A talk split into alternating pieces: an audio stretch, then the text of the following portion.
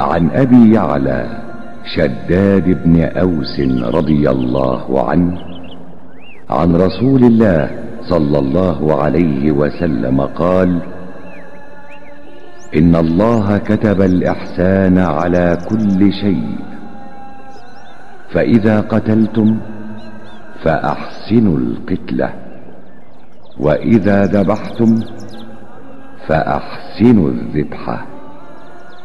وليحد احدكم شفرته وليرح ذبيحته رواه مسلم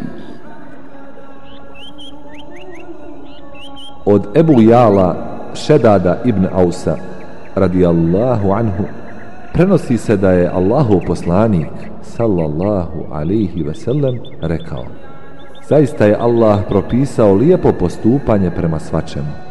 Kada ubijate, ubijajte na najljepši način. Kada koljete, koljite na najljepši način. Naoštrite noževe da olakšate vašoj žrtvi. Hadis bilježi muslim.